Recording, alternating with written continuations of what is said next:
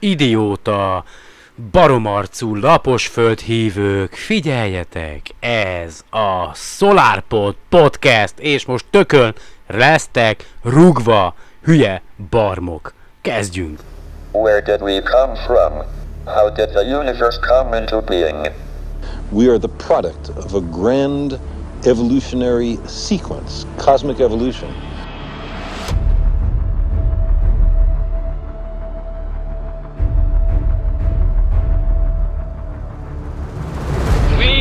To go to the moon in this decade and do the other things, not because they are easy, but because they are hard. Ignition sequence start. Six, five, four, three, two, one, zero. All engine running. Liftoff. We have a liftoff. 32 minutes past the hour. Liftoff on Apollo 11. It's one small step for man. Cleared. We got a roll program.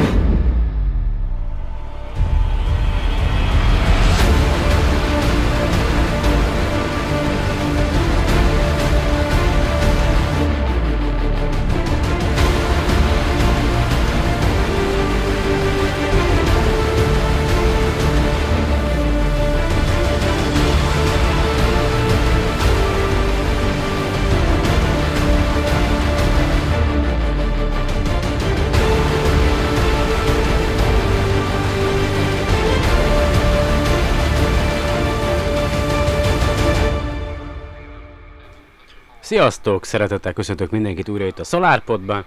Egy nagyon érdekes cikket találtam ma reggel az interneten.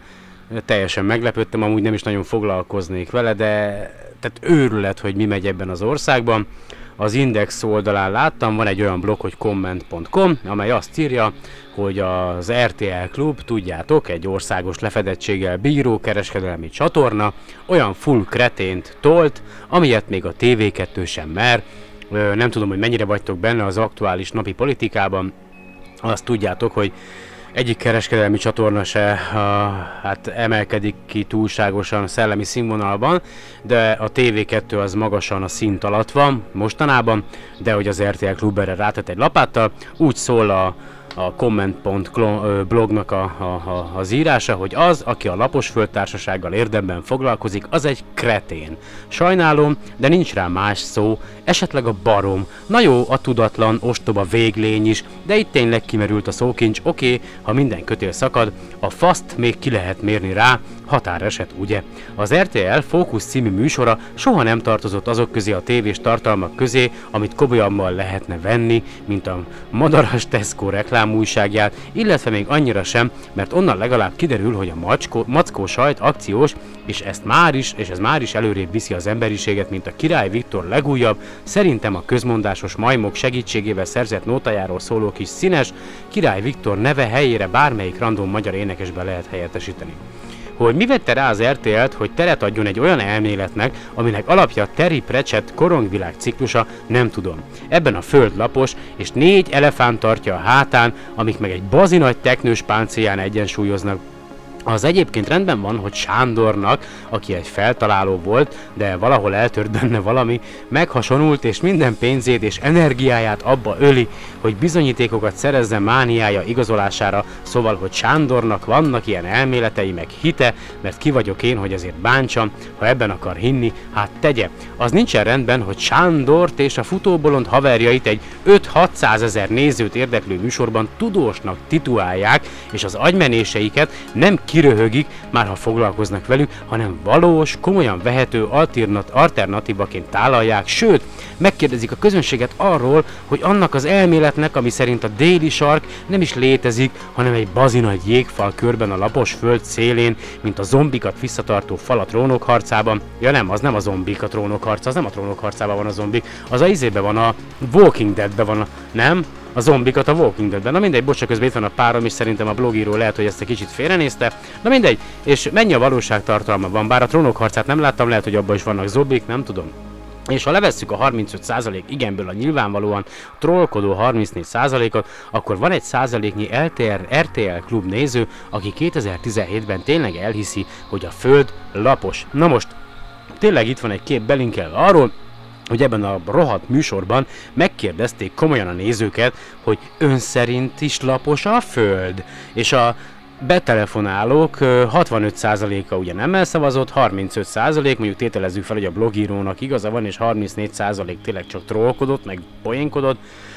Van egy százalék, vagy lehet, hogy még több is ebben az országban, aki tényleg elhiszi, hogy a föld lapos, és aztán megnéztem, hát nem tudtam végignézni ezt a ezt az ö, ominózus videót, ö, megkerestem az RTL Klub oldalán, le is töltöttem, és nektek a hanganyagát majd be fogom tudni játszani, de ide figyelj, te Széken Sándor nevű akárki, te Neked tudod, hol lenne a helyed? A bezárt opniban. Tehát tényleg a 21. században vagyunk. Ember járta a Holdon, nem sokára ember fog a Marsra menni. űrszondákat küldtünk a naprendszer, majdnem, hogy az összes létező általunk ismert bolygójára a, a Saturnusnál ott kering egy űrszonda, a Jupiternél ott kering egy űrszonda, a New Horizons elhaladt a Plutó mellett már a, a Kuiperövben van, a Mars körül kering űrszonda, a Marson van Marsjáró. Te hogy lehetsz ekkora fasz? Már ne haragudjál, hogy azt hiszed, hogy a Föld lapos, és hogy nincsenek bolygók. Itt mondom minden egyes lapos Föld hívőnek, aki véletlenül meghallgatja ezt a podcastet, hogy bármikor szívesen látom egy csillagász távcsöves találkozom, összerakom a csillagász távcsövet, és megmutatom nekik a, a Jupitert, meg a Saturnust, mert ugye ezeket lehet a legkönnyebben, meg a holdat is, és már láthatjátok, hogy, hogy vannak bolygók, és nem csak egy optikai csalódás, mert ez az okos tojás ebben a riportban egyébként ezt mondja, majd bejátszom nektek, hogy ti is meg tudjátok hallgatni, de én nem, nem voltam képes végig, végig hallgatni, mert egyszerűen, tehát hogy olyan evidens, és persze aztán bekapcsolja a mobiltelefonját, ez, a, ez az idióta vadbarom, és akkor bekapcsolja a GPS-t, és akkor hely meghatározás, hogy hol vagyok, de azt elfelejti, hogy a GPS műholdak ugye, a, persze a lapos föld körül keringenek, meg azt mondja, hogy min, min, min, minden csak fénytörés, minden csak optikai csalódás, te hogy lehetsz, őszintén, komolyan, hogy lehetsz ekkora fasz, ha kiállsz éjszaka és felnézel a csillagos égre, vagy ha pusztán fotókat készítesz, én is, ahogy lent voltam Bátorligeten a csillagászati találkozón, és levittem azt a nagyon egyszerű kis fényképezőgépemet, amit nagy nehezen meg tudtunk most vásárolni, és, és egymás után fél percenként készítettem képeket az égboltról, aztán összevágtam videóvá, hát látszik te vadbarom állat, hogy gömbölyű ez a rohadt bolygó, ne legyél már ennyire hülye meg, hogy mi az, hogy a déli sark egy, egy jégfal a, föl, a, a, a lapos földnek a szélén, te normális vagy? Meg, meg néztem videókat, hogy azt mondja, a, a, azzal, azzal hitegetik a népet, hogy, hogy hát, hát az nem lehet, hogy gömbölje a földnek. Képzeld el, ha repülővel közlekedsz a földön, és aztán lemész a, a, a hát a gömbölyű lenne, és lemész az aljára, akkor lezuhansz. Hát mész a jó édes anyádba, gravitációról hallottál már, ember? A gravi... Ja, azt is megcáfoltuk, a gravitációt is megcáfoltuk. Figyeljetek ide, lapos földhívők, nem az a célom, hogy én meggyőzelek titeket, mert úgyse tudlak titeket meggyőzni. Olyanok vagytok, mint a vallási fanatikusok, idióta, balfasz, barmok, nem tudok rátok más mondani, úgyhogy jobban jártok szerintem, ha inkább beiratkoztok egy rohadt iskolába, egy tudományos iskolába, és tanultok, tanultok, mert nem vagytok normálisak, ti se hihetitek komolyan ezt, hogy tényleg, szóval fel vagyok háborodva, mélységesen fel vagyok háborodva, de hú, szerintem inkább akkor ö, bejátszom nektek ezt az ominózus fókusz műsort, hallgassátok meg, aztán döntsétek el ti is, hogy nektek mi a véleményetek erről az egészről, aztán majd megpróbálok egy kicsit lenyugodni, és aztán folytatom, jó? Na, jöjjön az a fantasztikus fókuszriport ezzel az idiótas nevezetű Sándor gyerekkel. Az, azt, is, azt is szégyellem, hogy a névrokonom vagy te balfasz. Öh.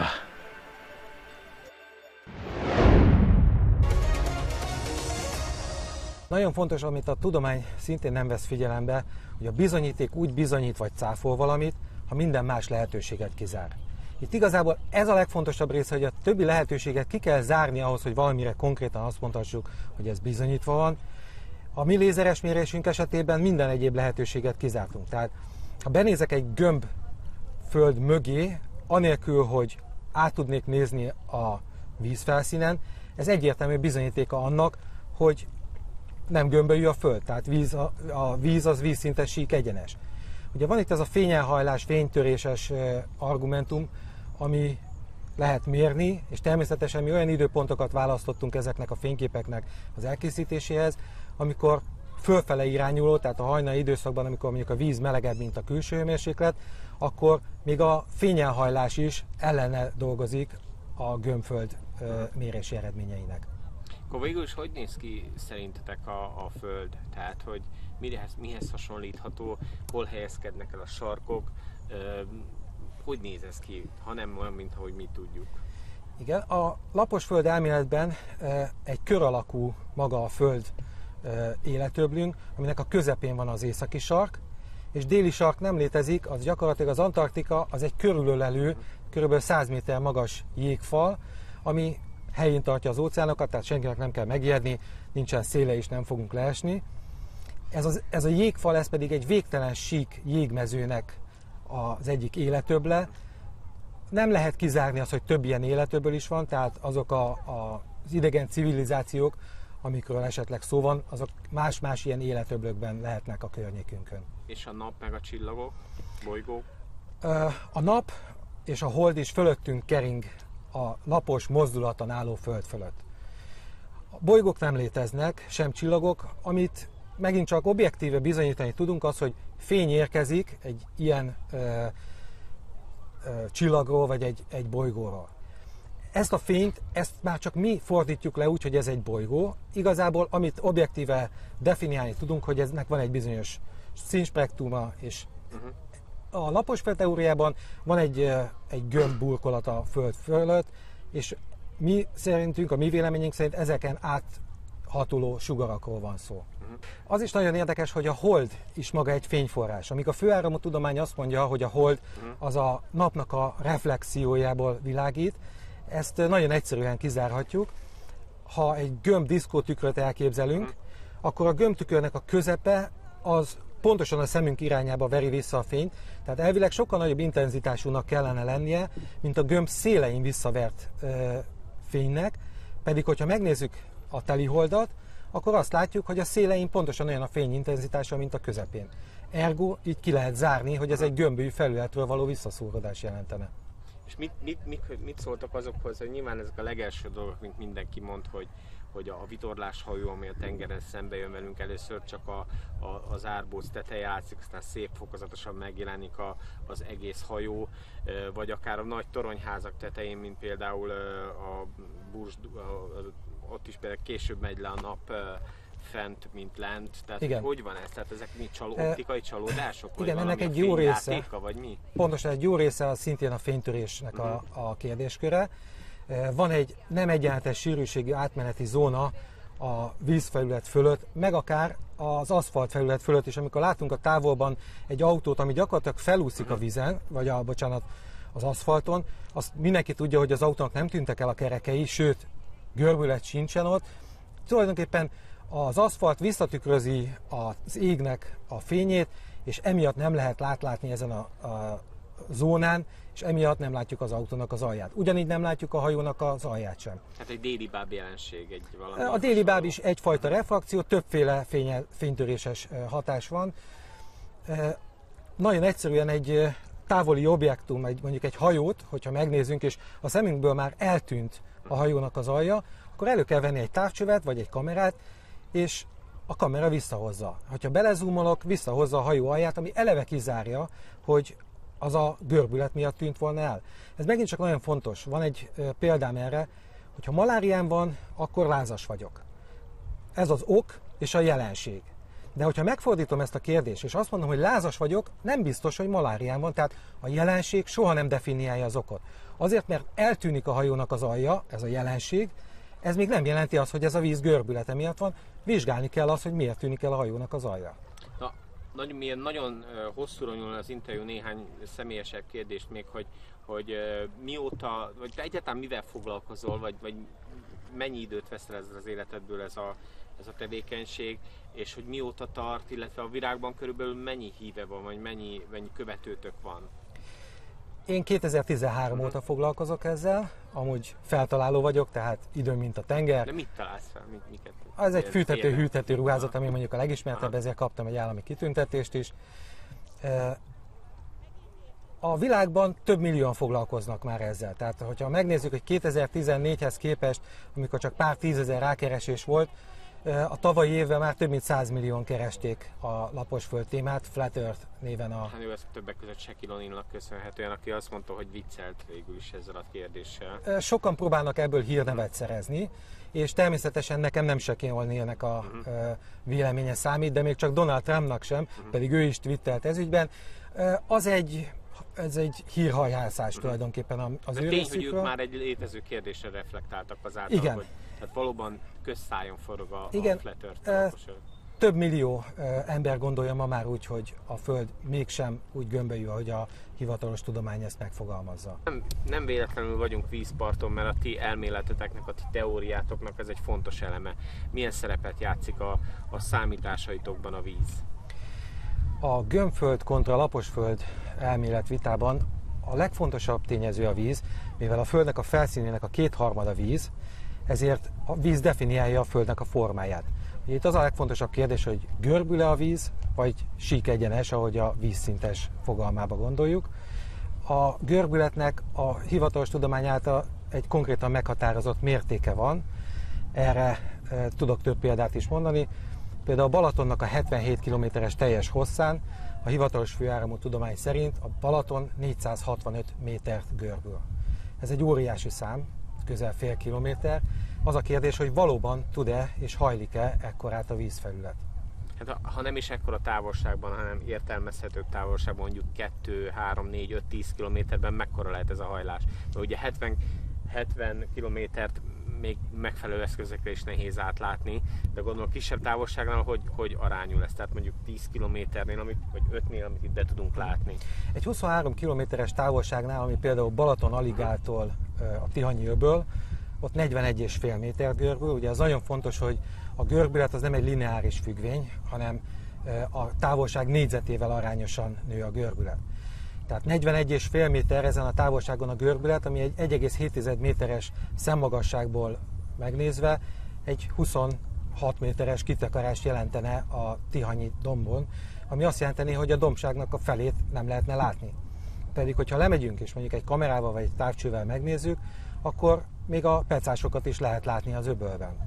Egy nagyjából 6 kilométeres távolságon, ahol lézeres méréseket folytattunk, ott 2,8 méter lenne a különbség a sík víztükör és a görbült víztükör között, tehát ott is szignifikáns különbséget kell lássunk a között, hogy hajlik ez a víztükör, vagy nem. Ugye minden teóriának vannak hibapontjai, ilyenek is vannak, amikre nem tudtatok rájönni, hogy miért van, ugye általad adott korábbi interjúban például Ausztrália kérdése, a, ha, ha a föld lapos lenne, akkor Ausztráliának a kiterjedésének sokkal nagyobbnak kéne lenni, mint a most ismert, ha ez igaz. E, igen, itt nagyon fontos különbség az, hogy a gömbföld teória attól nem igaz, hogy ha, hogy a víz nem görbül. Akkor, hogyha a Föld nem gömbölyű, tehát kizárhatjuk ezt a verziót, akkor még azért több verziót is lehet látni, mint például lehet konkáv, lapos, vagy egy hologram az egész világunk, de magánál a víztükörnek, vagy a Földnek ugye a, a felszínének a nagy része víz, a víz szerintünk meghatározza a Föld formáját. Tehát, hogyha a víz sík lapos, akkor vélhetően a teória szerint valóban laposnak kell lenni. Természetesen nagyon sok ö, megválaszolatlan kérdés van még a lapos föld teóriánál. Ez konkrétan például a, a kontinenseknek az állása, melyik... Öh, Sándorunk tipikusan azon emberek körébe tartozik, akiknél feltesszük a kérdést, hogy mi a francnak született meg. Tehát igazából, hú, erre nem tudok mit mondani gyerekek, tehát, e, tehát ne, nektek mi a véleményetek? Ti hogyan gondoljátok? Tehát tényleg el tudjátok hinni, hogy, hogy lapos a föld, hogy kiálltok, felmentek egy hegynek a tetejére, szétnéztek, és aztán ott maradtok éjszakára, és és tényleg úgy érzitek, hogy, hogy lapos ez az egész, tehát hogy nem, nem, nem, nem tűnik fel, hogy tudományosan bizonyított minden, hogy, hogy mi az a távolság, amelyre egy adott magasságból elláthatunk a Föld ugye alakjára való tekintettel, hogy amikor a nemzetközi űrállomásra rákerestek az alkalmazásban, és azt mondja, hogy most Budapest fölött, vagy akármelyik város fölött fog elhaladni, mikor meglátjátok az űrállomást, akkor még Franciaországban van, amikor már elkezditek látni, és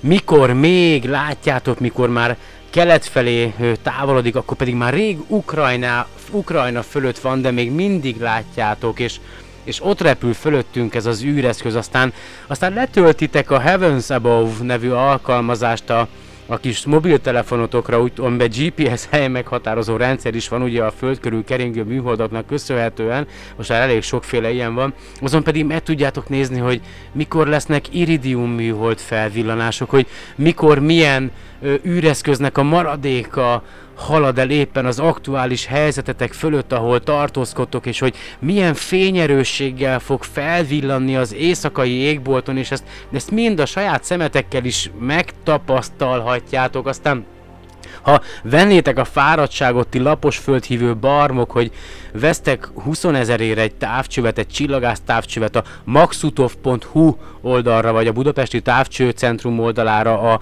távcső.hu oldalra ellátogattok, akkor már ilyen maximum 30 ezer forintért tudtok venni egy kezdő lencsés Kepler távcsövet, ha jól mondom, és abba beletekintetek, és aztán megnézitek a kis mobiltelefonotokra letöltött alkalmazáson, hogy éppen hol helyezkedik el az esti égbolton a Saturnus vagy a Jupiter, Ugye a holdat nem kell megnézni, mert azt láthatjátok, amikor éppen növekvő vagy csökkenő fázisban van. Sőt, még a nappali égbolton is megfigyelhetitek a holdat, akkor láthatjátok, hogy bolygók igen, igenis léteznek, és nem csak egy kivetülés. És amikor a, a saját szemeddel, abban a francos teleszkópba belenézve meglátod a Saturnusnak a, a gyűrűrendszerét, még ha csak nem is túl élesen abba a kis lencsés teleszkóba, de azt mondod, hogy úristen, tehát hogy elhiszem, hogy csak képeken látjátok, és azt hiszitek, hogy az egész csak egy, egy számítógépes, ö, számítógép által generált fotó, de akkor vegyétek a fáradtságot, és menjetek egy csillagász találkozókra, vegyetek egy rohadt távcsövet, és nézzetek bele egy éjszakai égbolton, vegyetek egy napszűrőt, és nézzétek meg a napunkat is, azon is tökéletesen láthatjátok az éppen rajta lévő napfoltokat, napkitöréseket. Nem olyan drága mulatság ez, lehet venni a fáradtságot, a hülyeséget meg tartsátok meg, nem tudom, hogy hol, tehát egy tényleg nem akarom azt mondani, hogy tűnjetek el erről a bolygóról, mert lehetetlen. Na mindegy, én itt be is fejeztem ezt a témát, én nem akarok senkit sem meggyőzni, és e, kicsit megpróbálok lenyugodni, és a hallgatók biztos emlékeznek, hogy akik rendszeresen hallgatják a podcastet, hogy van nekem egy ilyen könyvem, ugye a kémiai elemek, kalandozás a világegyetem atomjai között már nagyon rég nem olvastam fel belőle, nem emlékszem már, hogy hol hagytam abba, de most következzen a, a, a 23-as vanádium nevű anyag. Szerintem én úgy emlékszem, hogy a titániumról beszéltem, a titánról beszéltem, lehet, hogy a vanádiumról is, aztán a króm kimaradt, de most a vanádiumtól folytatom, aztán szerintem még tart a zene, addig néhány anyagot felolvasok netek ebből a könyvből. Igazából ez egy ilyen mm, könnyed ismeretterjesztő módban próbálja bemutatni a általunk ismert kémiai elemeket, vagy általunk ismert elemeket, úgyhogy el is kezdem. Tehát azt mondja, hogy a vanádium relatív atom tömege, bár erről nem szoktam beszélni, 50,9415, sűrűsége 6,11, atom sugár pedig 171 pm. Na mindegy, hagyjuk ezt a témát. ja, és akkor persze itt vannak a igen, hát elméletileg vegyészetnikus vagyok, de már elfelejtettem. Itt vannak az atompályák, na ez volt a kedvencem egyébként, az a 1-es, 2-es, 2P, 3-es, 3P, és akkor 3D3, 4-es 2. Tehát ugye úgy van, hogy az elektronok, ha jól emlékszem, akkor mindig a, az alacsonyabb szintű ö, pályára igyekszenek ö, beépülni, tehát mindig az alacsonyabb, tehát a, mindig az alacsonyabb szintű pályára igyekszenek ö, elrendeződni, és akkor minden egyes ugye atom, tehát különböző ö, atom, ö, vagy hát ne, elektronpályák vannak, attól függően, hogy egy, ö, egy ilyen elemnek vagy atomnak hány, hány elektronja van, ugye, és akkor ezek az elektronok különböző ö, pályákon épülnek fel, és akkor meg van határozva, hogy, hogy, ö, hogy, egy, egy, egy, hogy az elektron belsejében mennyi elektron lehet, kijebb mennyi, aztán mennyi, bla bla bla bla bla. Na mindegy, szóval vanádium. Hoppá, leesett a mikrofon. Öy. Bocsika. Ne röhögjél, Ivett. Úgyis a hallgatók azt szeretik a podcastbe, hogy vágatlan, és ezt se fogom kivágni. Tehát akkor következzen a vanádium. A nemes és szerszám acélok rendkívül kemény és kopásálló vasötvözetek. Remek vonásaik zömét a csekély százalékban hozzáálljuk adott vanádium karbidnak köszönhetik. A vanádium nehezebb a titánnál, de sokkal keményebb is nála. Főként acélokban kap tehát szerepet a vanádium, ezért általában ferro vanádium formájában árulják és adják öntés előtt az acélhoz. Azért egyszerűbb ezzel a magas vanádium tartalmú mesterötvözettel dolgozni, mert az olvat vashoz adva maga is hamar megolvad, ellentétben a jóval magasabb olvadáspontú tiszta vanádiummal. Piaci szempontból nem cseng olyan jól a neve, mint a titáné, mégis seregnyi acélszerszámon olvashatjuk a megjelenést vanádium. A titán esetében mindig ott van a kétség, a vanádium acél szerszámok viszont rendszerint azok, aminek hirdetik magukat, a Wolfram karbid keményebb ugyan nála, alkalmazzák kis maró szerszámok élbevonataként, ám ipari mindenesként és az otthoni forra, fúrásban, faragásban, barkácsszerszámok anyagaként is leginkább vanádium acéllal találkozhatunk, kemény és kérlelhetetlen a vanádium, de van egy másik, esendőbb oldala is. Szennyező anyagként egyik másik smaragd változatban is felbukkan, finom zöld árnyalatot ad a kőnek. A hétköznapi, keményen robotoló elemek közül mások is összefognak, hogy minél szebb legyen a smaragd, amely valójában a beril szikár tudományos nevén berillium alumínium szilikát zöldes formája. Némelyik smaragd változatnak tehát a vanádiumot zöld fény, de mi a helyzet a zöldben tündöklő többi smaragd féleséggel? Nos, őket a vanádium közeli rokona, a króm festi gyönyörű, gyönyörű, és akkor a króm nem beszéltünk, króm a 24-es számú elemünk a periódusos rendszerben, Komoly króm ragájon esett át az autóipar az 1950-es és 60-as években. Tonnányi szemkápráztató krómketyere díszelgett a kocsikon lökhárítótól lökhárítóig, a krómozott lökhárító pedig szó szerint uralta a karosszériát. A kromholmikat valójában csak lehellett finom rétegben vonják be tiszta krómmal, a króm alatt egy másik fém, a nikkel húzódik vastagabb rétegben, az pedig a vas, cink, bronz vagy akár műanyag alapra viszik föl, ugyancsak elektrokémiai úton. Tiszta formájában itt csak mikroszkópikus vastagságban találkozhatunk a krómmal, a rozsdamentes acél fő összetevőjeként, vassal és nikkellel ötvözve azonban már komoly mennyiségben lép színre a króm, némelyik az acélötvözet tömegének negyedét is adhatja. Szomszédja, a vanádium társaságában ugyancsak gyakran fölbukkan, elsősorban a króm-vanádium acélban. Szerszámáruházakban, barkácsboltban pillanatok alatt találhatunk króm-vanádium jelzésű csillagkulcsot, csőkulcsot, bitkészletet tükörfényes, rozsdaálló, pazarfém a króm.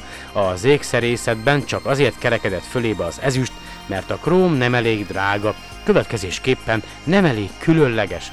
Egyetlen terepen győzte le a króm az ezüstöt, az evőeszköz krómacélból készül, leszámítva az előkelők, kivagyiak díszabroszára szánt különleges étkészleteket. A festőművészek azért szeretik a krómot, mert telté, gazdaggá teszi a festék zöldjét, az úgynevezett króm-oxid zöld nem összetévesztendő, a párizsi zölddel, utóbbi alapanyaga az arzén. Korai őseink más alapanyagból, mangánból készítettek zöld festéküket, vagy készítették zöld festéküket, amikor úgy döntöttek, hogy kifestik a barlanglakásuk falát. Azt mondja, hogy a mangán, szerintem még őről se beszéltem, igyekszem majd nem elfelejteni, hogy hol tartok, a vörös vasoxid mellett a fekete mangán oxid is az első festékanyagok között szerepelt őseink palettáján, amikor vagy 17 ezer évvel ezelőtt a lapos földön, ugye, Öh, mindegy. Tehát 17 ezer évvel ezelőtt barlangfestésbe kezdtek. A mangán históriája azonban csak jóval később vált igazán mozgalmasá. Történt az 1970-es évek derekán, hogy a milliárdosok körében nagy, nagy divatja lett az óceán mélyi mangán gömbölcöknek.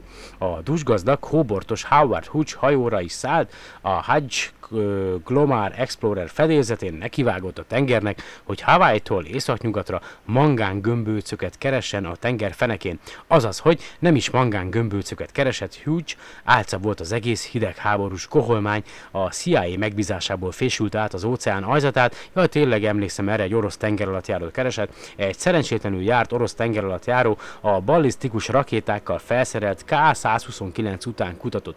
A CIA tisztában volt vele, hogy azon a tengerészen rögtön gyanút keltene a nyomozást, kivéve, ha etetős, jól kidolgozott fedősztoriban hozzá. Kapóra jöttek tehát a tenger mélyén mangángömbölcök, vannak persze, hogy ö, vannak mangángömbölcök az óceán, vannak persze, hogy vannak mangángömbölcök az óceán, óceán fenekén, Ám pénzt soha nem hoztak senki emberfiának, és valószínű, hogy a jövőben sem lesz belőlük üzlet, a CIA sem kapta meg, amit akart, kiemelés közben ketté szakadt a tenger alatt járó teste, oda vesztek a titkos kódok, néhány torpedó és hat halott orosz, ennyi volt a lelet, a halottakat még odakint katonai tiszteletadás mellett visszaadták a tengernek. Tartozom annyival az igazságnak, hogy leszögezzem, igencsak hasznos fém a mangán, főként ötvözet alkotóként, de csupán mellékszereplő lehet egy másik fém mellett, amelynek a neve a vas. És akkor még a vasról, aztán szerintem be is fejezem, most egy kicsit már lenyugodtam, remélem ti is. Öh. Azt mondja, a vas egyetlen elemről nevezte el, neveztek el korszakot az emberiség történetében, a vaskor mellett beszélünk még kőkorról és bronzkorról, de előbbi kristály mixtúráról, utóbbi pedig ötvözetről kapta a nevét. Ha már úgy döntöttünk, hogy a fő szerszám alap, alapanyagunkról nevezzük el a korokat, a vas bőven kiérdemelte a megtiszteltetést, utca hosszal vezet a többiek előtt, ha jobban belegondolunk, máig a vaskorban élünk. Amikor azt mondjuk, az alumínium vagy a titán, könnyű, erős és rozsdaálló fém, mindig ugyanahoz, a vashoz bizonyítunk. Mindmáig a vas pontosabban a sokfajta acélötvözet a fémipar fő anyaga. Ha a teherbírás kell és szilárdság, ha valami nagyot vagy erőset kell építeni, csak is a vas jöhet szóba, kivéve a repülést, mert ott a súly is rettenetesen számít, ezért drágál, de könnyebb fémek viszik a prímet. Nagy kitolás a kémiától, hogy a vas olyan nagy hévvel rozsdásodik, fölmér, fölmérhetetlenül sokba kerül ez nekünk. Mégis pozitív a mérleg, mert a vas viszonylag olcsó fém, és millióféleképpen ötvözhető. Más fémekkel ele- elegyítve, kényünkre, kedvünkre játszhatunk a sajátságaival, húzó szilárdságától a rezgéstűréséig mindenféle tulajdonságával pepecselhetünk. Nincsen még egy fém a világon, amelyiket ilyen könnyen lehetne kovácsolni, önteni, forgácsolni, kalapálni, nyújtani, hengerelni, edzeni, vagy éppen furábbnál furább formákba tessékelni.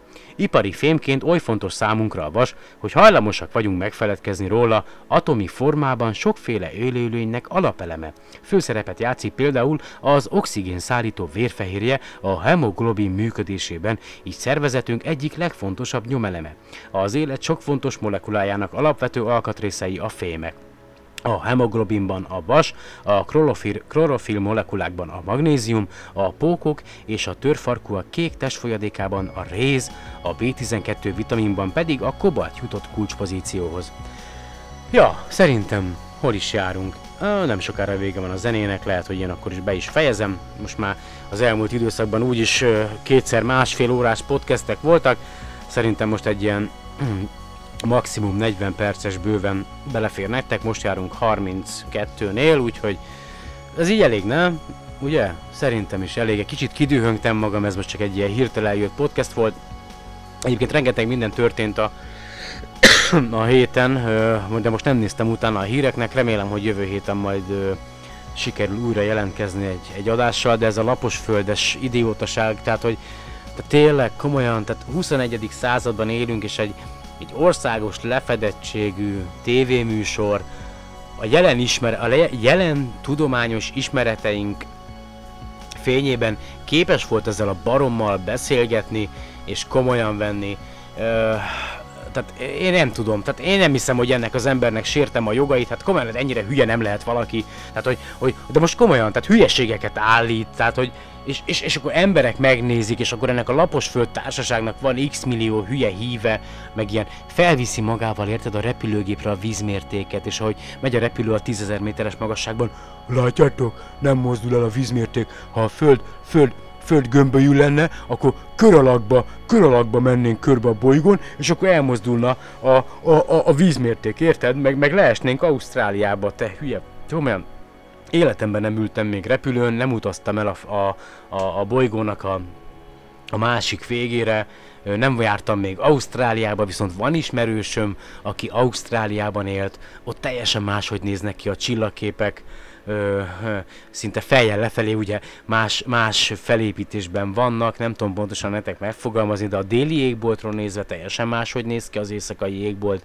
mint az északiról nézve, úgyhogy ö, elmehettek a jóbüdös bu- akárhova, kedves lapos földhívő honfitársaim és nem honfitársaim, bármikor hajlandó vagyok veletek itt találkozni Budapesten, éjszaka hármas határhegyen felviszem a csillagásztávcsövemet, természetesen csak abban az időpontban, hogyha megfelelően látszik mind a Saturnus vagy, illetve a Jupiter sajnos jelen évszakban. A Jupiter már egyre később, hát egyre, egyre hamarabb nyugszik le az éjszakai égbolton, tehát mikor már besötétedik, akkor már nem sokáig lehet látni, viszont a Saturnus még elég sokáig lehet látni, és most ugye teliholdunk is lesz, úgyhogy azt is meg tudom nektek mutatni, meg a fogyóholdat is, úgyhogy nyugodtan írjatok nekem a podcastbe, ha éppen nem dolgozom, kedves kedves laposföld hívők, találkozunk a hármas határhegyen, felcigölöm a csillagász távcsövemet, meg minden, és megmutatom nektek, hogy igenis léteznek bolygók, és igenis azoknak is gömbformájuk van. Úgyhogy én itt el is köszönök tőletek mára, hallgassátok szeretettel Stellar Drone-nak a legújabb albumáról egy következő számot, aztán remélem, hogy minél hamarabb találkozunk. Sziasztok!